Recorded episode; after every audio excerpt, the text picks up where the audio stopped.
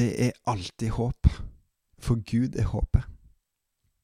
Velkommen til del to av eh, Det er håp, eh, en podkast av meg, Håkon Winnem, med Gud i sentrum.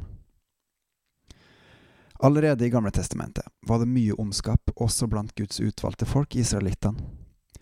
Eh, på Moses' i tid, ca. 500 år etter at Abraham levde, kom Gud med sitt lys igjen, befridde jødene ut av farens hånd i Egypt og ville lede dem inn i det lovede land Kanan. På veien dit ga Gud dem lov og forskrift av bud, deriblant de ti bud og en stadfesting av omskjæringen av guttebarn, for å vise Israelsfolket hvordan de skulle leve hellige og rene liv med Han. Guds ånd var blant dem, men ikke i dem, til forskjell fra i dag, for Guds ånd bodde i tabernaklet, i det aller helligste. Dit var det kun øverstepresten som hadde lov til å gå én gang i året, og da med et tau rundt foten, i tilfelle han gjorde noe galt og døde. Gud kan selvfølgelig ikke bo i et sånt lite rom, for han har jo skapt alt på jorda og er utenfor ti rom og materie, altså det fysiske, men hans nærvær var der, inne i det aller helligste, og dit har vi tilgang i dag. Dessverre kom ikke israelittene fra Egypt inn i Kanan, det lovede land for de var ulydige og opprørske mot Gud. Gud ga de sjanse på sjanse, men de klagde og gjorde opprør gjentatte ganger.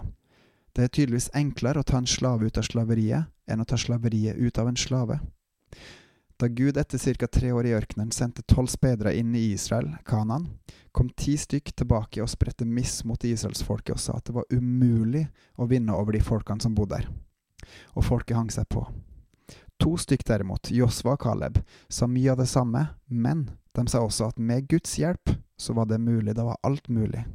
Straffa ble at den voksne generasjonene måtte dø før folket fikk lov til å komme inn i Kanan, noe som tok 37 år. Men Gud holdt løftet sitt til Abraham og hans ett, og neste generasjon fikk komme inn. Hvilken fantastisk Gud vi har. Streng og rettferdig, og også nådig.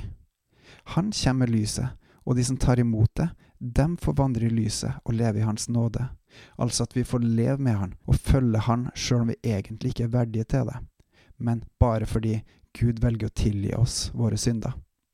Alt av Hans kjærlighet til oss. Hva kan vi lære av det her i dag? De speiderne Moses sendte ut. Hvem er du? Er du blant de ti eller to? Mørket ligger tett rundt oss, og det er vanskelig å se lyset. Er alt håp ute? Er vi fortapt? Eller er lyset sterkere enn mørket, og allting mulig for Gud? Er det mest mørke eller lys i det? Og hva gir du videre til menigheten, dine troende rundt deg?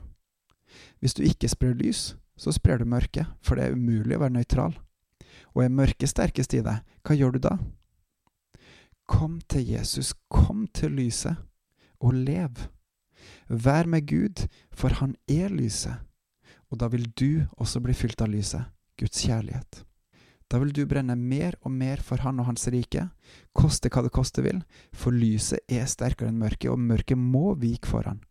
For lyset setter oss fri, virkelig fri, og det lyset må vi gi videre for at også Norge skal våkne opp igjen, for at Hans Nilsen Hauge look-alike-dager igjen skal reise Norge.